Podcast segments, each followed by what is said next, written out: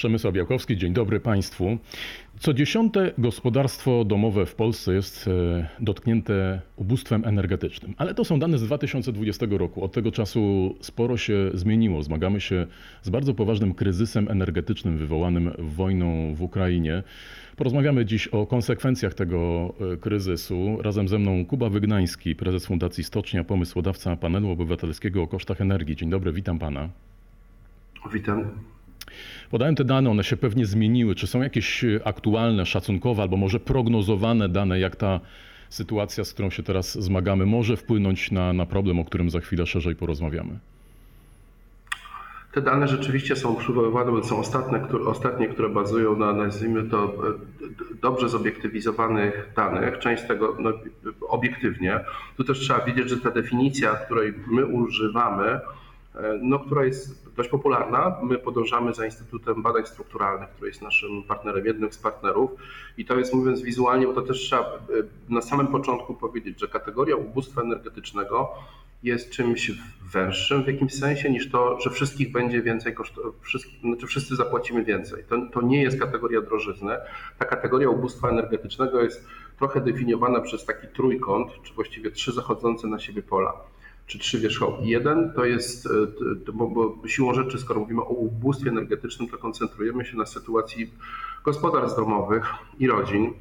I tam są trzy elementy, trzy wektory, które działają, że tak powiem, razem, wywierając wielki nacisk na te osoby. Jeden to jest efektywność, a właściwie niska efektywność energetyczna. I takich domów w Polsce jest dużo, 60% co najmniej wymagałoby termomodernizacji, i to jest jeden element. I on jest, no on się tak szybko nie, nie zmienia. Drugim są wysokie koszty energii. I te no, pewnie wszyscy chcielibyśmy wiedzieć, pan i ja, ile naprawdę będziemy płacić w końcu. Mamy jakąś kontrolę nad konsumpcją być może, ale jeśli chodzi o ceny, no to właściwie różna sytuacja, on praktycznie prawie codziennie wychodzi z jakąś nową propozycją w tej e, dziedzinie. I wreszcie trzeci, no to są niskie dochody. I to jest prawdziwy problem, dlatego że w grupie osób ubogich energetycznych mówimy o budżetach, w których mniej więcej 50% pieniędzy jest przeznaczanych po prostu na energię i tylko energię.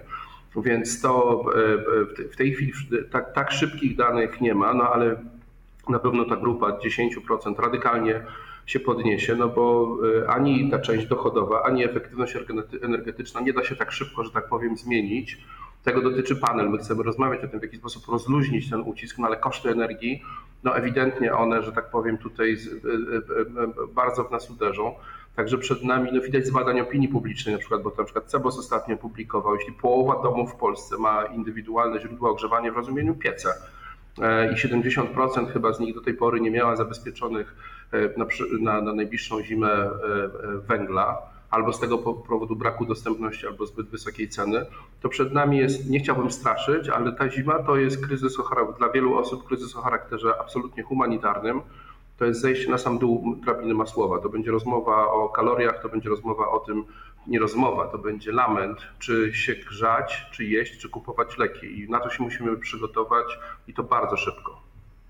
Mówimy o, mówiąc o ubóstwie, mówi się o za, zaspokajaniu potrzebowych, podstawowych potrzeb, o, o piramidzie, o której Pan przed chwilą wspomniał, ale chciałbym, żebyśmy jeszcze nad jedną rzeczą się e, zatrzymali. Czy to ubóstwo energetyczne jest zawsze tożsame? Czy jest w ogóle tożsame z takim no, klasycznym ubóstwem, o, e, e, jakie znamy? Czy niekoniecznie? Nie, nie, niekoniecznie. To jest jedna z tych rzeczy, które trzeba sobie przepracować. Jak myśmy planowali ten, e, ten panel, który zresztą, bo to trzeba powiedzieć później, już pewnie wejdziemy w inne wątki, on jest pewnym, my jako stocznia nie jesteśmy specjalistami od energii, my jesteśmy specjalistami od partycypacji obywatelskiej, w ogóle szukania takich metod e, na różnych polach, w których głos ludzi miałby jakieś znaczenie i bardzo wierzymy, że ta, mam nadzieję, że będzie okazja opowiedzieć, na czym ta dosyć unikalna metodologia e, polega. No i sprawdzamy, czy w ogóle w bardzo trudnych kwestiach publicznych, a przed nami jest, e, przed nami jest dużo rzeczy, które właściwie mają charakter takiego świata deficytu, to znaczy nie dyskusji o tym, kto chce czego więcej, tylko czego będziemy bronić, e, co gotowi jesteśmy poświęcić. To są wszystko rozmowy o tym, w jakim sensie jak będzie mniej i jak dzielić się, jak sprostać tym problemom. To są potrzebne są właściwie nowe umowy społeczne. I one w Polsce dotyczą wielu kwestii, od kwestii dostępu do służby zdrowia, demografii, nie wiem, ordynacji wyborczej czy kwestii, kwestii światopoglądowych, które potwornie nas dzielą. I jak żeśmy się przygotowali do, nazwijmy to, wodowania takiego narzędzia, jakim jest panel obywatelski, półtora roku temu postanowiliśmy, że to będzie ubóstwo energetyczne i myśleliśmy, że to będzie taki względnie neutralny temat, o którym spokojnie porozmawiamy, zanim wejdziemy na naprawdę gorące tematy. No w międzyczasie okazało się, że to jest jeden z najbardziej e, e, gorących tematów i o tym chcę powiedzieć. Natomiast rzeczywiście ważne, ważne jest to, o co Pan pyta, że to ubóstwo czasami wymyka się naszemu takim stereotypom na temat ubóstwa. Na naszym panelu, między innymi na początku, mówiła pani Joanna Sadzik, szefowa szlachetnej paczki, że z różnych badań wynika, że nasza percepcja ubóstwa w szczególności to jest ubóstwo, które no właśnie, właściwie jest prawie jednoznaczne z jakimś formą marginesu społecznego. Coraz, cały czas wracają jakieś pomysły dotyczące tego, że to jest wynik nieróbstwa, lenistwa, winy społecznej, zaniedbań, patologii itd. Tak e, I jak wiadomo, niekoniecznie tak jest, nawet tak jest rzadziej, i my w tych rozmowach przyjmujemy perspektywy bardzo różnych środowisk. I tak oczywiście To, to jeśli pan pozwoli, to chciałbym, żebyśmy tak. podali jakiś przykład, bo, bo tak jak słucham. No przykład ja jest taki, tak że ktoś na przykład wybudował sobie troszeczkę za duży dom na przykład i nie, i, i nie jest go w stanie e, e, e, ogrzać. Może być bardzo majętną osobą, ale po prostu źle zbilansował to, co posiada w stosunku do tego, co musiałby zapewnić, żeby to ogrzać. Są ci szczęśliwcy i to też utrudnia trochę dyskusję, że w Polsce ostatnie lata to jest olbrzymi wzrost tutaj nazwijmy to e, ruchu prosumenckiego, czyli tego, co widzimy na wielu, e, na wielu dachach w Polsce, czyli eko, e, eko, przepraszam, fotowoltaiki. Jeśli jej towarzyszył i ktoś zdążył założyć jednocześnie to i pompę ciepła, to mówiąc szczerze, rachunek za taki dom typu 150 metrów rocznie może wynieść 300-400 zł. I bardzo trudno czasami zrozumieć tej osobie, na ogół zresztą majętnej, żeby było jasne. W gospodarstwach majętnych, dobrze urządzonych, rachunek za energię może być poniżej 1% budżetu. Trudno patrzeć na ludzi, którzy mają dom tej samej powierzchni, tylko został wybudowany w czasach, nie wiem, Gomułki, późnego Gierka, jest oddzielnie stojącym domem gdzieś w polskim miasteczku, który za dom 150 metrów zapłaci 15 tysięcy złotych na przykład i to są osoby najbardziej ubogie. Więc widać, że ta kategoria ubóstwa jest, y, nie pokrywa się dokładnie z tym. Wiele rodzin w Polsce, wiele rodzin w Polsce, nie te 10%, przez lata nie miało rezerw, no ale wyobraźmy sobie, nie wiem, parę rodziców wychowujących dziecko z niepełnosprawnością, dwóch starszych emerytów. No mnóstwo naszych budżetów było zapięte do ostatniego punktu. Wiele osób walczyło o to, żeby nie poślizgnąć się w tą kategorię bycia beneficjentem pomocy społecznej. Żyli ciężko, ale w godności takiej, że są samowystarczalni. Ta granica zostanie przekroczona i to jest największy społeczny, polityczny problem, że mnóstwo ludzi bardzo ciężko walczyło i godnościowo nie bardzo chce się zgodzić na to, że no nie wiem, ktoś jest rodzicem i wychowuje dzieci i będzie musiał dzieciom powiedzieć, nie ma zajęć dodatkowych, nie ma korepetycji, nie pojedziemy na wakacje, nie ma prezentów. To są rzeczy, które będą wywoływać bardzo dużo takiego społecznego napięcia, bo ludzie czują, że jakby na to nie zasłużyli.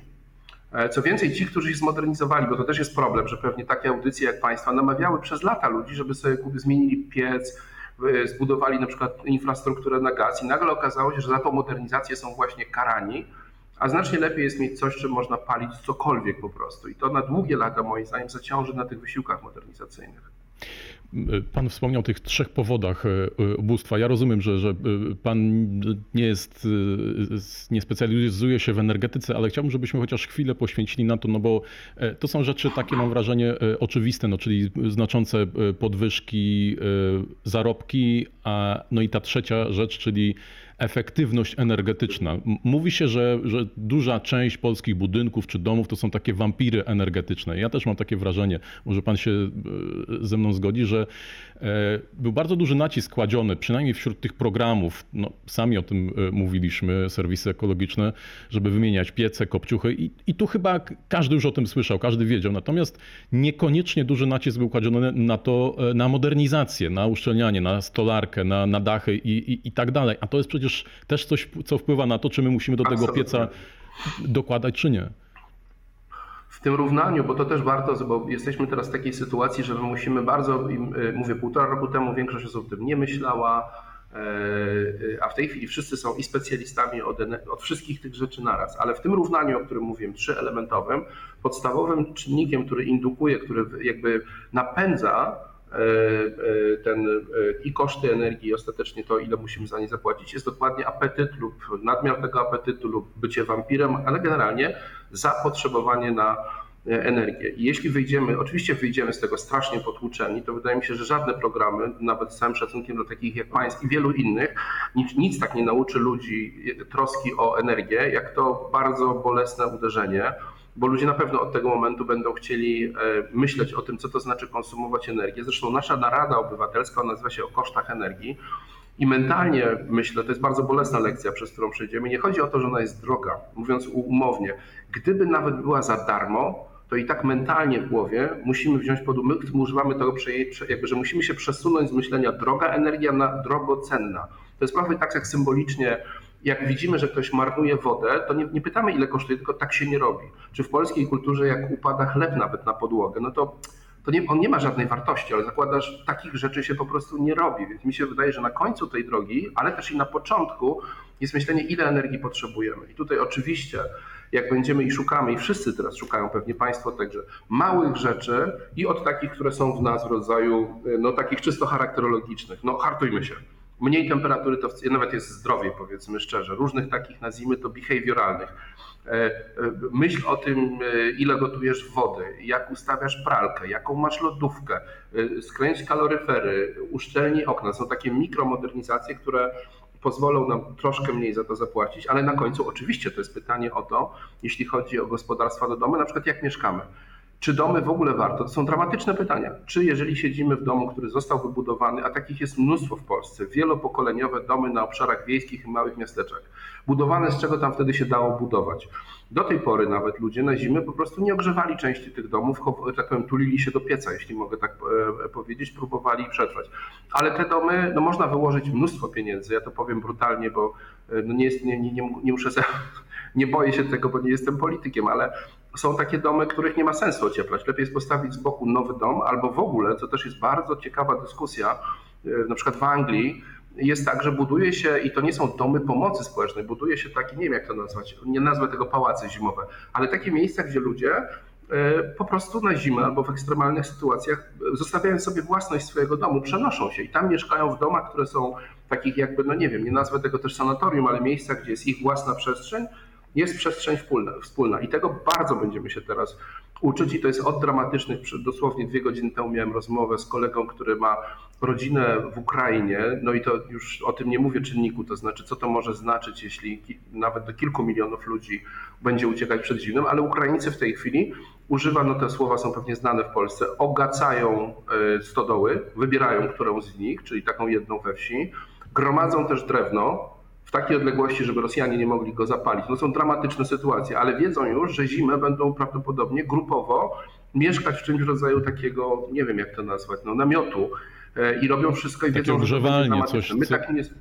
Zresztą w Polsce widać też niektóre, niektóre samorządy, do tego zresztą namawiam, będziemy próbowali coś jeszcze robić w tej sprawie, mają trudny wybór, e, na przykład, czy zamykać instytucje publiczne, bo ja wiem, bibliotekę, dom kultury i tak dalej, czy właśnie odwrotnie, zamienić je w punkty które określałbym jako tylko właśnie chodzi o to słowo. Dawniej było słowo świetlica, na przykład z czasów, kiedy nie wszyscy byli y, zelektryfikowani i to było dobre miejsce. Teraz my powinniśmy zrobić, nie wiem, cieplicę, ale takie miejsce, gdzie ludzie bez urazy dla swojej godności mogą powiedzieć, raz w ciągu dnia idziemy tam i spotykamy się. To może zrobić dom parafialny, to może zrobić biblioteka, to może zrobić wiele instytucji i po prostu umówić się, że na ten czas będziemy potrzebowali miejsc, które, do których po prostu idziemy się ogrzać, zjeść coś razem, I to nie jest schronisko dla bezdomnych, to jest po prostu miejsce, które będziemy przeżywać e, razem, bo myślę, że jak mówię, ja się koncentruję nie na tych, dla których, znaczy to jest ważne dla każdego z nas, że zapłaci pewnie więcej, ale dla tych, gdzie sytuacja egzystencjalnie e, w tej, w tej zimie może być naprawdę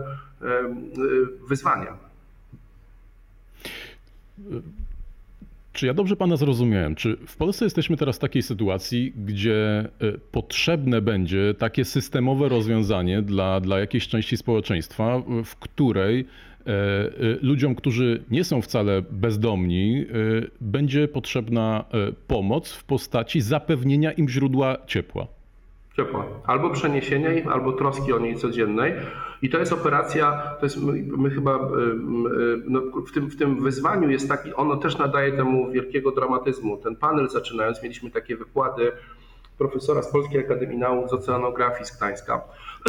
Przepraszam że tu z jednej strony to jest taka sytuacja, że jest koniec miesiąca i koniec świata. I to też jest bardzo trudny dylemat, bo w tej chwili te trudne wybory, które są przed nami, to jest to, czy z tego powodu, że nie wiem, państwo nie działa, jest wojna, nie, nie będzie gazu, wszystko kosztuje za drugie, jak głęboko udzielamy sobie dyspensy do tego, do różnych rzeczy, do tego, żeby właśnie palić byle czym, ciągnąć dalej e, węgiel, czy nawet, bo to jest bardzo niebezpieczne i tutaj rola mediów jest olbrzymia, bo ja jestem dość stary, żeby pamiętać te skrypty, nazwijmy to, takiego świata, w którym państwo kompletnie nie działa, lata 70., 80., to, że Polacy uruchomili ten gen innowacyjności, który właściwie polega na hakowaniu systemów, rodzaju, nie wiem, jak ukraść prąd, jak zdobyć zasiłki, które mi się nie, nie, nie, nie należą, jak sprzedać miejsce w kolejce po węgiel. To są w ogóle skrypty, których naprawdę aż wstyd do nich wracać.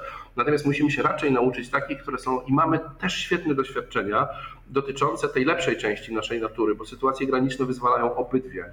I ktoś, kto oglądał Wielką Wodę teraz, i ktoś, kto pamięta, co się stało przy okazji pandemii, kto pamięta, jak byliśmy mężni, dzielni i godni i gotowi do poświęceń w przypadku kryzysu migracyjnego, my musimy na tą zimę znaleźć sobie to coś, co pozwoli, że wyjdziemy jako społeczność i wspólnota z tego jednak razem.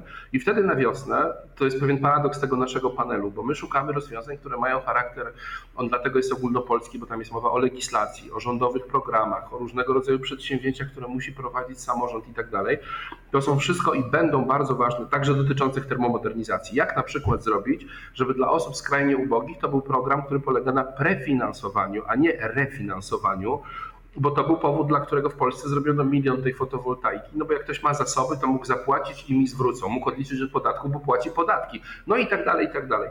Dla osób, które są w tej pułapce, nazwijmy to, tych domów, to nie jest żadne rozwiązanie. Więc teraz też musimy, i o tym trochę jest panel. On jest panelem nie o tym, bo normalni ludzie, te 100 osób, bardzo poruszająca zresztą grupa ludzi z całej Polski, która przyjechała nad tym się naradzać, to nie są specjaliści od tego, jaki model helikoptera kupimy dla polskiej armii. Tego się ludzie nie nauczą w, w ciągu pięciu dni rozmowy ze sobą. Ale dyskusja na tym, co to znaczy sprawiedliwie, czy pomagać powinniśmy wszystkim porówno, czy może skoncentrować się na tym, którzy sami nie dadzą radę, czy możemy gotowi jesteśmy na jakieś formy reglamentacji, czego gotowi jesteśmy, no wszystko jedno, dla samorządowców. Z czym ktoś wyłączy światło, na przykład samorządowcy wyłączą światła na ulicy. Jest oczywiste, że zmniejszenie oświetlenia na ulicy może mieć różne negatywne konsekwencje. Teraz czy potrafimy się powstrzymać od tego roszczenia? Czy jesteśmy ok z tym, że nie będzie basenu akurat tej zimno podgrzewanego? My musimy zawierać coraz częściej tego rodzaju kontrakty i bardzo na to liczę. I to jest test dla naszej wspólnotowości, bo to, że indywidualnie przetrwamy i jakoś to będzie, pewnie jakoś to będzie, ale my musimy na tą wiosnę, tą wiosnę już, jak to wyjdziemy po tym długim przedwiośniu, po prostu powiedzieć sobie, już takiej następnej zimy nie będzie, chociaż ona w sensie obiektywnym będzie jeszcze trudniejsza, bo magazynów y, gazu już nie ma. Znaczy wszystkie elementy są ułożone pod tak zwany y, perfect storm, to znaczy on się naprawdę może zdarzyć jeszcze rok później, więc wtedy będziemy mieli czas na wszystkie te dobre postanowienia.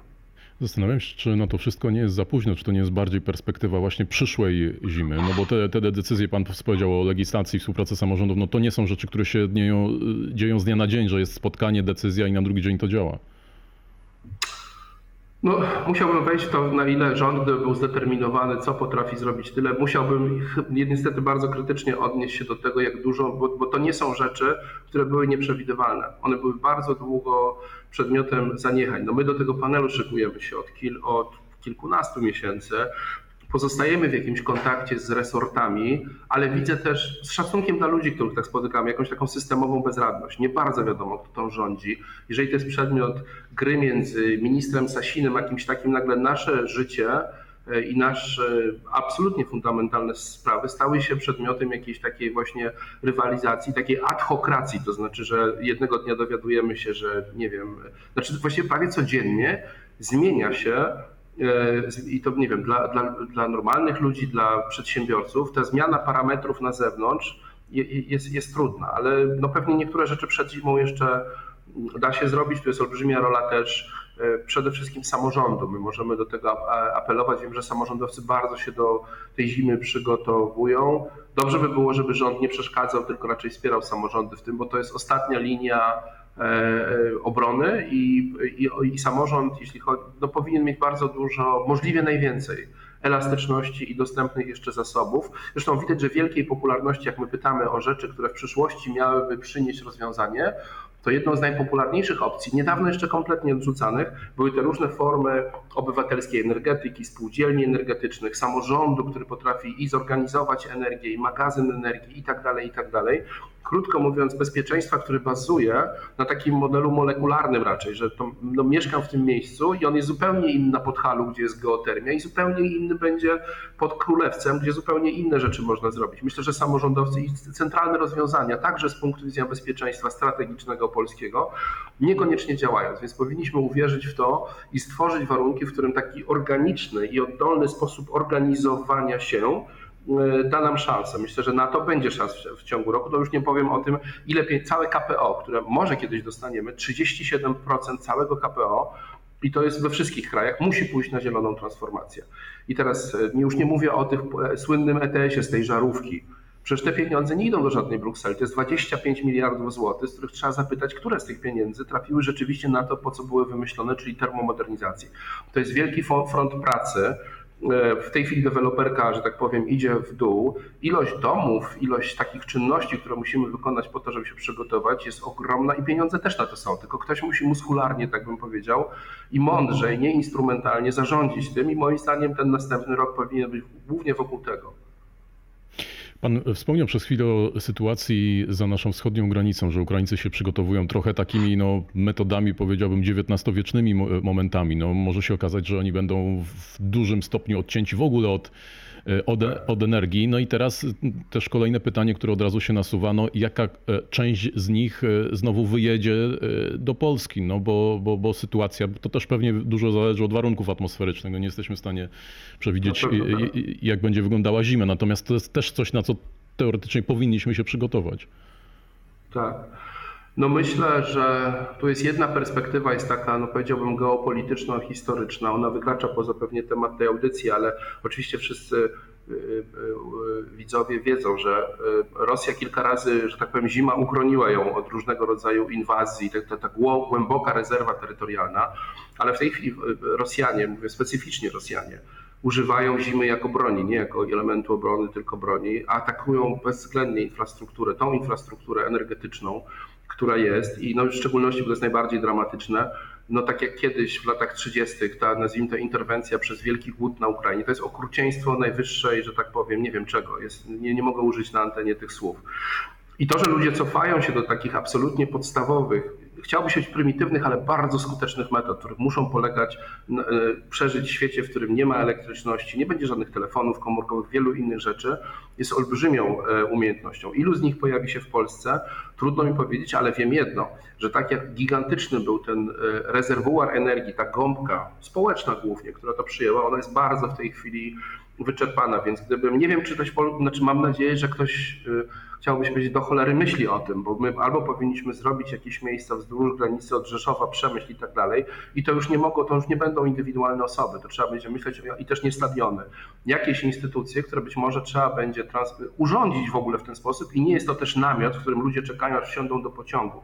To jest coś, co tak mówiąc wprost, tak trochę jak ptaki, że ci ludzie przeniosą się na ten trudny moment kawałek dalej i natychmiast chcą wrócić do domu i powinniśmy, w Polsce nie brakuje zasobów, organizacji krajowych, zagranicznych i tak dalej, umielibyśmy to zrobić. Tylko ktoś powinien w tej chwili już zacząć myśleć i brać pod uwagę poważnie tę opcję, że kto wie, kilkaset tysięcy osób uciekając przed głodem, przed, no, głodem i zimnem powinno się tu zjawić i móc później natychmiast wrócić y, do siebie. Mam nadzieję, no mówię, mam nadzieję, że ktoś o tym myśli. Bardzo panu dziękuję za nagłośnienie tej, tego ważnego tematu. Energia powinna być y, traktowana przez nas jako drogocenna, a nie y, droga i, i, i nie to, niech to będzie podsumowaniem y, tej naszej rozmowy. Jeszcze raz dziękuję. Kuba Wygnański, Fundacja Stocznia, panel obywatelski o kosztach e, energii. Kłaniam się nisko. Serdecznie dziękuję. Serdecznie dziękuję. I bardzo też panu. powiem, że bardzo nam zależy na Państwa udziale, bo to jest panel, który jest robiony od dołu. On nie jest na zlecenie polityków i właściwie jedyny, kto mógłby powiedzieć e, e, decydentom, słuchajcie, to jest coś ważnego. Ludzie rozmawiali o tym, i to nie tacy wytrąceni przy jedzeniu, przy obiedzie, na kogo byś głosował, gdyby były wybory za tydzień. To są ludzie, którzy z całej Polski poświęcili czas, kilka dni. My, żeby zdobyć te 100 osób, wykonaliśmy ponad 100 tysięcy telefonów, żeby zbudować reprezentatywną strukturę. I oni wyjdą z jakimś werdyktem. Ona będzie, on będzie gotowy w połowie mniej więcej listopada. I jedyne, co może że tak powiem, pozwolić nie, nie usuwać tego ze wzroku w rządzącym, to jest, to jest siła mediów. Więc bardzo też nie ukrywam, liczymy na relację jakąś e, e, z mediami. To jest bardzo ważne, żeby to powiedzieć. Bardzo dziękuję. Fundacja stocznia i panel obywatelski o kosztach e, energii. Jeszcze raz dziękuję panu, dziękuję państwu. Dziękuję. Kłaniam się nisko i zapraszam, zachęcam do oglądania kolejnych wideokastów w Zielonej I- Interii. Przemysł Białkowski, kłaniam się. Do widzenia.